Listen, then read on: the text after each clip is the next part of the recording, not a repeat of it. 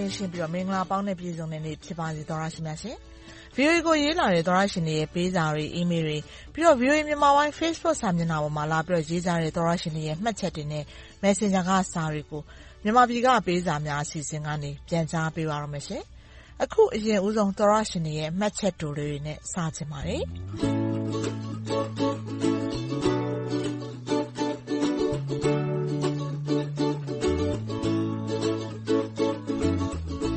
မိဘွားဆိုတဲ့သောရရှင်ကတော့ကျေးဇူးပါ VOA ရေဒီယိုနားထောင်လာတာဆယ်စုနှစ်သုံးစုနီးပါးရှိနေပါပြီ။တခါမှစာမရေးမိပါဘူး။ခုတော့စာရေးလိုက်ပါတယ်။ VOA ကိုသိချစ်ပါတယ်။ကျေးဇူးလည်းတင်ပါတယ်။သတင်းမှန်တွေသိရလို့ပါဆိုပြီးတော့ Messenger ကစာတူတူရေးလာပါတယ်ရှင်။ဟုတ်ကဲ့ပါကြည့်ရှုနားဆင်တာကျေးဇူးတင်ပါတယ်နော်။ဘေးကင်းကျန်းမာပါစေလို့ဆုတောင်းပေးချင်ပါတယ်ရှင်။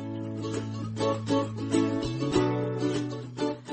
င်ဆိုတဲ့သောရရှင်ကတော့ VOA အစီအစဉ်တွေကို Podcast ကနေ နားထောင်ချင်ပါတယ်တဲ့။မင်္ဂလာပါ VOA ခင်ဗျာ။ကျွန်တော်က VOA, BBC, RFA အားလုံးကို Radio Podcast ကနေမနက်ညအမြဲနားထောင်ပါတယ်။ဒါပေမဲ့အခု VOA Radio Podcast ကနေအသံလွှင့်မပေးတဲ့အတွက် Facebook ကနေသွားကြည့်ရတာအင်တာနက်ကမကောင်းတော့အတော်အခက်အခဲဖြစ်နေရပါတယ်။ဒါကြောင့် Radio Podcast ကနေအသံပြန်လွှင့်စေချင်ပါတယ်ခင်ဗျာ။ ဟုတ်ကဲ့ပါ။ဒီသောတရှင်ကို ဒီကိစ္စနဲ့ ပတ်သက်ပြီးတော့ ကျမတို့ VOA မြန်မာပိုင်းရဲ့ Digital ပိုင်း တာဝန်ယူထားတဲ့ ကိုဝင်းခန့်ကို မေးကြည့်ထားပါတယ်။ကိုဝင်းခန့် ဒီသောတရှင် ပြောထားသလိုပဲ Radio Podcast နားထောင်လို့ မရဘူးဆိုတာ ဘာကြောင့်ဖြစ်တာလဲဆိုတာ နည်းနည်းလေး ဒီသောတရှင်ကို ပြန်ပြီးတော့ ဖြေပေးပါရှင့်။ဟုတ်ကဲ့ ဟိုတလောက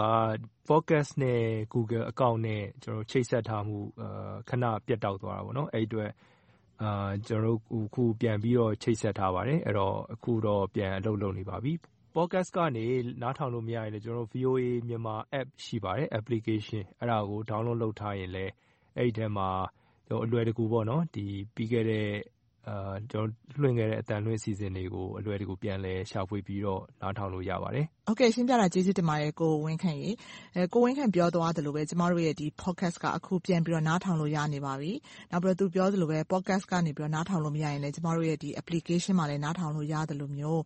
ကျမတို့ရဲ့ Facebook စာမျက်နှာ၊ YouTube စာမျက်နှာအဲဒီမှာမရရင်လည်းကျမတို့ VOA ရဲ့အင်တာနက်စာမျက်နှာ burmese.voanews.com ကနေသွားပြီးတော့နားထောင်နိုင်ပါတယ်ရှင်။ဒီလိုမျိုးနားထောင်လို့ရတယ်ဆိုပြီးရေးထားတဲ့ နောက်ထပ်သောတရှင်တယောက်ရဲ့စာလည်း ရှိပါတယ်။သူကတော့ လီလီဇော်ဇော်ဆိုတဲ့ သောတရှင်ပါ။သူက VOA ကို ကျနော် အမြဲလို အားပေးနေတဲ့ ပြည်သူပါခင်ဗျ။ VOA ကို Facebook မှာ သိပ်ပြီးတော့အဆင်မပြေဘူးဆိုရင် YouTube မှာလည်း VOA ကို အားပေးကြည့်ရှုလို့ရပါတယ်။ VPN ခံစရာမလိုပါဘူးလို့ ပြောထားတာပါ။ဟုတ်ပါတယ်။ကျမတို့ VOA အစီအစဉ်တွေကို ရုပ်သံ၊ရေဒီယို၊ Social Media ဒီလိုမျိုး ကြားခံမီဒီယာ နေရာမျိုးစုံကနေ ထုတ်လွှင့်ပေးနေတာမို့ ဒီသောတရှင် ကိုဇော်ဇော်ပြောသလိုပဲ တနေရာမဟုတ် တနေရာကနေနားဆင်ကြည့်ရှုနိုင်ပါတယ်ရှင်။လိုအပ်တာရှိရင်လည်း အခုလိုမျိုး လှမ်းပြောပါနော်။ကျေးဇူးတင်ပါတယ်။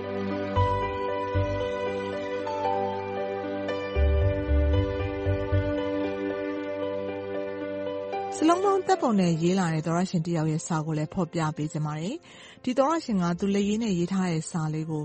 သူ့ရဲ့မိတ်ဆွေကို ဓါတ်ပုံရိုက်ခိုင်းပြီး Messenger ကနေ ပို့လာတာ ဖြစ်ပါတယ်။ ရခိုင်ပြည်နယ်တောင်ကုတ်မြို့နယ်ကဦးထွန်းရွှေပါအရင်ကစာမရေးဘူးပါဘူးတဲ့။ VOA ကိုအမြဲတမ်းနားထောင်ကြည့်ဖြစ်ပါတယ်။ VOA ကဖော်ပြတဲ့နေ့လည်ပြန်လွှင့်မြဝတီမြို့၌ဗုံးများနှင့်ကားတစ်စီးတွေ့ဆိုပြီးဖတ်ရပါတယ်တဲ့။ကျွန်တော်ကပညာရှင်တဦးမဟုတ်ပါဘူး။ဆရာမောင်ခင်မင်ဓနုဖြူရဲ့ဆောင်းပါးမှာတော့နေ့လည်ကိုတနေ့ရဲ့အလယ်လူသုံးဦးရဲ့အလယ်ကားတစ်စီးကိုတစ်ခု၊တစ်ကောင်၊တစ်ယောက်လို့ရှင်းပြထားတာရှိပါတယ်။ နေ့လည်ကားတစ်စီးလို့ VOA က ဖော်ပြပါတယ်။ဆရာက နေ့လည်ကားတစ်စီးလို့ ရေးထားပါတယ်။ဘယ်တုန်းက မှန်ပါလဲတဲ့ ဟုတ်ကဲ့ပါ ဦးထွန်းရွှေရေ။တိုက်တိုက်ဆိုင်ဆိုင်ပဲ ကျမလည်း ဘန်ကောက်မြို့လည်ဆိုပြီး သတင်းတပုဒ်ရေးတာ။လယ်ကိုညှပ်သတ်နဲ့ လည်မိပါတယ်။စိတ်ထဲမှာ ပြန်စဉ်းစားတော့ မသေချာလို့ မြန်မာစာအဖွဲ့က ထုတ်ဝေတဲ့ မြန်မာစာလုံးပေါင်းဓါတ်ပုံကျမ်းမှာ သွားပြန်ကြည့်တော့မှလယ်ဆိုတာ အလယ်ဆိုတဲ့သဘော ရပ်ပလက်သက်နဲ့ လည်တာကို တွေ့ရပါတယ်ရှင်။ညှပ်သတ်နဲ့ လည်တာက လည်ပင်းလည်ပြန် အဲဒီလိုမျိုး နေရာတွေမှာ သုံးပါတယ်တဲ့။ ဒါကြောင့်မို့ဒီသောတရှင်ကိုးကားပြောလာတဲ့မောင်ခင်မင်မြန်မာစာပြောထားတာမှန်ပါတယ်နော်။နောက်တခုဒီသောတရှင်ပြောထားတဲ့အထဲမှာတစ်၊နှစ်အဲလိုမျိုးဂဏန်းအရေအတွက်ဆိုရင်လည်းတစ်စီးဆိုရင်တော့တစ်စီးဆိုတာက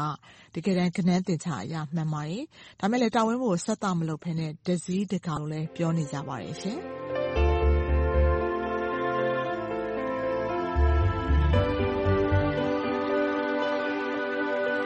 မြန်မာနိုင်ငံကလက်ရှိနိုင်ငံရေးအခြေအနေတွေ၊လူမှုရေးရာကိစ္စအဝဝနဲ့ပတ်သက်ပြီးသောတရှင်တွေကိုယ်ပိုင်ထင်မြင်ယူဆချက်တွေကိုလွတ်လွတ်လပ်လပ်ထုတ်ဖော်ရေးသားလာကြတဲ့စာတွေကိုလည်းလက်ခံရရှိပါတယ်။အဲဒီထဲကစာတချို့ကိုအခုဆက်ပြီးဖော်ပြပေးချင်ပါတယ်။လုံခြုံရေးအရအကောင့်နာမည်လေးချန်ထားပေးပါခင်ဗျာဆိုတဲ့သောတရှင်တယောက်ကတော့မင်္ဂလာပါ VOA ရေ။ကျနော်အဖြစ်မှန်လေးရေးပို့ချင်ပါတယ်ဆိုပြီးရေးလာပါတယ်။ BBC လိမ်နေသည်၊ VOA ညာနေသည်၊ RFA သွေးထိုးနေသည်၊ခလောက်ဆန်အကောက်ကြံ လေလှိုင်းပေါ်က လူသတ်သမား၊နားမယုံလွယ်နှင့်သတိထားဆိုတဲ့ ဂျင်းတွေကို ငယ်ငယ်ကတည်းက အဟုတ်မှတ်ခဲ့တယ်။ကြီးလာမှ အဲဒီသတင်းဌာနတွေကမှ တကယ့်ဂုဏ်သိက္ခာရှိရှိနဲ့ တိကျတဲ့ သတင်းမှန်တွေကိုပဲ ထုတ်လွှင့်မှန်း သဘောပေါက်ခဲ့တယ်။ငယ်ငယ်တုန်းကဆိုရင် အဖေက မနက်တိုင်း နားထောင်နေကျ VOA ကနေ သတင်းတွေကို ဘာကြောက်လဲဆိုတာ ပြန်မပြောခဲ့ပါဘူး။နိုင်ငံရေးဟာ သားတို့နဲ့ မဆိုင်ဘူးပဲ ပြောခဲ့တာ။အဖေပြောတာက ဘယ်သူတက်တက် ကိုယ်လုပ်မှ ကိုယ်စားရတာပါ ငါသားတဲ့။ စဉ်းစားမိရင် ကျနော် ဝမ်းနည်းတယ်ဗျာ။အရင်တုန်းက တလ သုံးသိန်း ဝင်ငွေရှိနေရင် မိသားစုစားလောက်ပေမယ့် အခု သုံးသိန်းဆို စားမလောက်တော့ပါဘူး။အဖေပြောခဲ့တဲ့ ကိုယ်လုပ်မှ ကိုယ်စားရတယ်ဆိုတဲ့ စကားက မှန်သေးပါရဲ့လား။ကျနော် သိလိုက်တာက နိုင်ငံရေးဟာ နိုင်ငံသားတိုင်းနဲ့ဆိုင်ပြီး ကျနော့်အဖေဟာလည်း VOA ကို နားထောင်တာဟာ သူတို့ ဘာတွေပြောနေကြလဲဆိုပြီး စပ်စုခြင်းမျှသာ ဖြစ်တယ်ဆိုတာပါပဲ။မြန်မာနိုင်ငံမှာ အဖေလို လူတွေ အများကြီးပါ။ ကျနော့်စာကို ဖတ်ပြပေးစေချင်ပါတယ်ခင်ဗျာ။နာမည်လေးချန်လှပ်ထားပေးပါဆိုတဲ့သောတရှင်ဖြစ်ပါတယ်ရှင်။နိုင်ငံရေးကနိုင်ငံသားတိုင်းနဲ့သက်ဆိုင်တယ်ဆိုတာအချိန်တွေအများကြီးနောက်ကျပြီးတော့မှသိခဲ့ရပါတယ်လို့ဒီသောတရှင်ရေးလာတာပါ။မြန်မာနိုင်ငံမှာ၂၀၂၁ခုနှစ်နှစ်စပိုင်းစစ်တပ်ကအာဏာသိမ်းပြီးတဲ့နောက်မှာနိုင်ငံရေးအကျပ်အတည်းတွေနဲ့နောက်စစ်ရေးအကျပ်အတည်း၊စစ်မက်ပဋိပက္ခတွေဖြစ်အိုးအိမ်ပစ်ရတဲ့အခြေအနေတွေနဲ့ပတ်သက်ပြီးသောတရှင်တွေမကြာခဏစာရေးလာကြပါတယ်။ဒီတပတ်ရေးလာတဲ့သောတရှင်တယောက်ကတော့ VOA ဝိုင်းတော်သူဝိုင်းတော်သားအားလုံး ကျန်းမာချမ်းသာကြပါစေလို့ ပထမ ဆုတောင်းမေတ္တာပို့သအပ်ပါတယ်။ VOA ကို အကြံပြုပါရစေ။ကျေးလက်ဒေသတွေမှာ စစ်ရှောင်နေရတဲ့ အမျိုးသမီးတွေ၊ကလေးတွေနဲ့ သက်ကြီးရွယ်အိုတွေ တော်တော်ဒုက္ခရောက်နေကြရပါတယ်။ UN တို့ အမေရိကန်သံရုံးတို့က လူမှုကူညီရေးအသင်းတွေနဲ့ ပူးပေါင်းပြီး လူသားချင်းစာနာတဲ့ အကူအညီတွေကို ကျေးလက်တောရွာတွေ၊တောတောင်တွေပေါ်ထိ လိုက်လံကူညီပေးစေချင်ပါတယ်။ VOA မှတဆင့်အ မေရိကန်သံရုံးကို ပြောပြပေးပါခင်ဗျာ။အရေးတကြီးလိုအပ် အကူအညီပေးဖို့ မေတ္တာရပ်ခံပါတယ်ခင်ဗျာ။ဒါကတော့ မြန်မာနိုင်ငံက နိုင်ငံရေးအကျပ်အတည်းကြောင့် အိုးအိမ်ပစ်ရတဲ့အဖြစ်တွေနဲ့ ပတ်သက်ပြီး ဒီသောတရှင် ရေးလာတာဖြစ်ပါတယ်။ VOA မြန်မာပိုင်းက အပတ်စဉ် အရင်တုန်းက အင်္ဂါညပိုင်း အခု တနင်္ဂနွေညပိုင်းမှာ ထုတ်လွှင့်ပေးနေတဲ့ ISP နိုင်ငံရေးလေ့လာသုံးသပ်တဲ့အဖွဲ့ရဲ့ သုတေသနစစ်တမ်းအရဆိုရင်တော့ပြီးခဲ့တဲ့ အောက်တိုဘာ ဒီနှစ် ၂၀၂၂ အောက်တိုဘာလကုန်အထိဆိုရင် မြန်မာနိုင်ငံမှာ ဖြစ်ပွားခဲ့တဲ့ လက်နက်ကိုင်ပဋိပက္ခတွေအတွင်းမှာမီးရှို့ဖျက်ဆီးခံခဲ့ရတဲ့ နေအိမ်အဆောက်အအုံပေါင်း လေးသောင်းနား ကပ်လာပြီလို့ ပြောထားပါတယ်။ခုနတုန်းကလို ချိတ်ပိတ်ခံရတဲ့ နေအိမ်အရေအတွက်ကတော့ ဒီစာရင်းထဲမှာ မပါပါဘူး။သောတရှင်တွေရဲ့ ပေးစာတွေကို ဒီတပတ် ဒီမှာတင် ရပ်ချင်ပါတယ်ရှင်။အားလုံးအတွက် ပိုမိုကောင်းမွန် အဆင်ပြေတဲ့ နေ့သစ်တွေ မကြာခင် ရရှိပါစေလို့ တောင်းဆုပြုမိပါတယ်။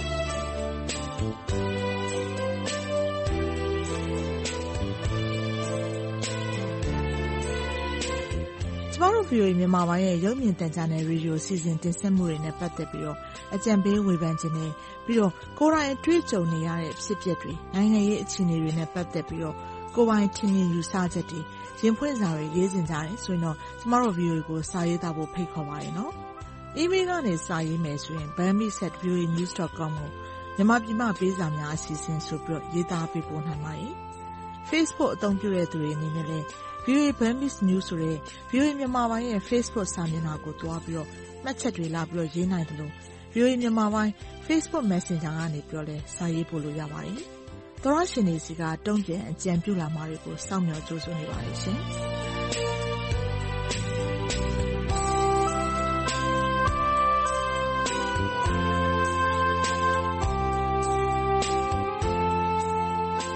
မြန်မာနိုင်ငံနဲ့နိုင်ငံတကာကရေးသားပေးပို့လာတဲ့ VOA မြန်မာပိုင်းသောတရှင်တွေရဲ့ဝေဖန်အကြံပေးစာတွေ၊ရင်ဖွင့်စာတွေနဲ့ဒေသချင်းတောင်းလွှာတွေကိုတနင်္ဂနွေနေ့ညပိုင်းနဲ့တနင်္လာနေ့မနက်ပိုင်းအချိန်တွေမှာမြန်မာပြည်ကပေးစာများအစီအစဉ်ကနေထုတ်လွှင့်တင်ဆက်ပေးနေပါတယ်။ရေဒီယိုကနေဖမ်းယူနားဆင်နိုင်တဲ့အပြင်ရုပ်မြင်သံကြားကနေလည်းထုတ်လွှင့်ပေးနေသလို VOA မြန်မာပိုင်း Facebook စာမျက်နှာနဲ့ YouTube စာမျက်နှာတို့ကနေလည်းထုတ်လွှင့်ချိန်နဲ့တပြိုင်နက်တည်းတိုက်ရိုက်နားဆင်နိုင်ပါတယ်။ လွှင့်ထုတ်ပေးခဲ့ပြီးတဲ့အစီအစဉ်တွေကို Facebook နဲ့ YouTube ပေါ်မှာပြန်ပြီးနားထောင်နိုင်သလို VOA အင်တာနက်စာမျက်နှာနဲ့ဖုန်းပေါ်က VOA App တွေမှာလည်းသွားပြီးနားထောင်ကြည့်ရှုနိုင်ပါတယ်။။ကျမတို့ရဲ့ VOA App နာမည်က VOA Burmese ဖြစ်ပါတယ်။ကျမတို့ရဲ့အင်တာနက်စာမျက်နှာလိပ်စာက burmese.voanews.com ဖြစ်ပါတယ်။ကျမအေးသန္တာကျော်ပါ။ VOA ကိုလည်းစာရေးကြပါအောင်နော်။သောရရှင်တွေအားလုံးဘေးအန္တရာယ်ကင်းရှင်းရွှင်လန်းချမ်းမြေ့ကြပါစေရှင်